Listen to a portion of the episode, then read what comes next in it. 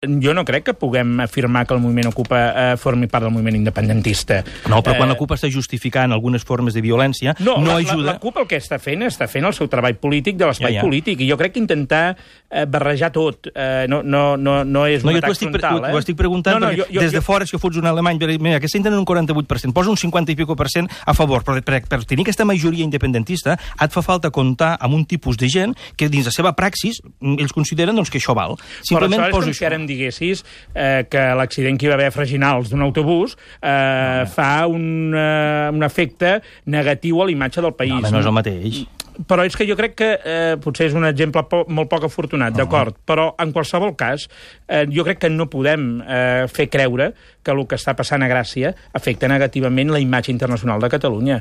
Repeteixo, en aquests moments, Alemanya, eh, París, eh, no fa gaires eh, mesos al Regne Unit, eh, estan vivint situacions d'una tensió social molt gran.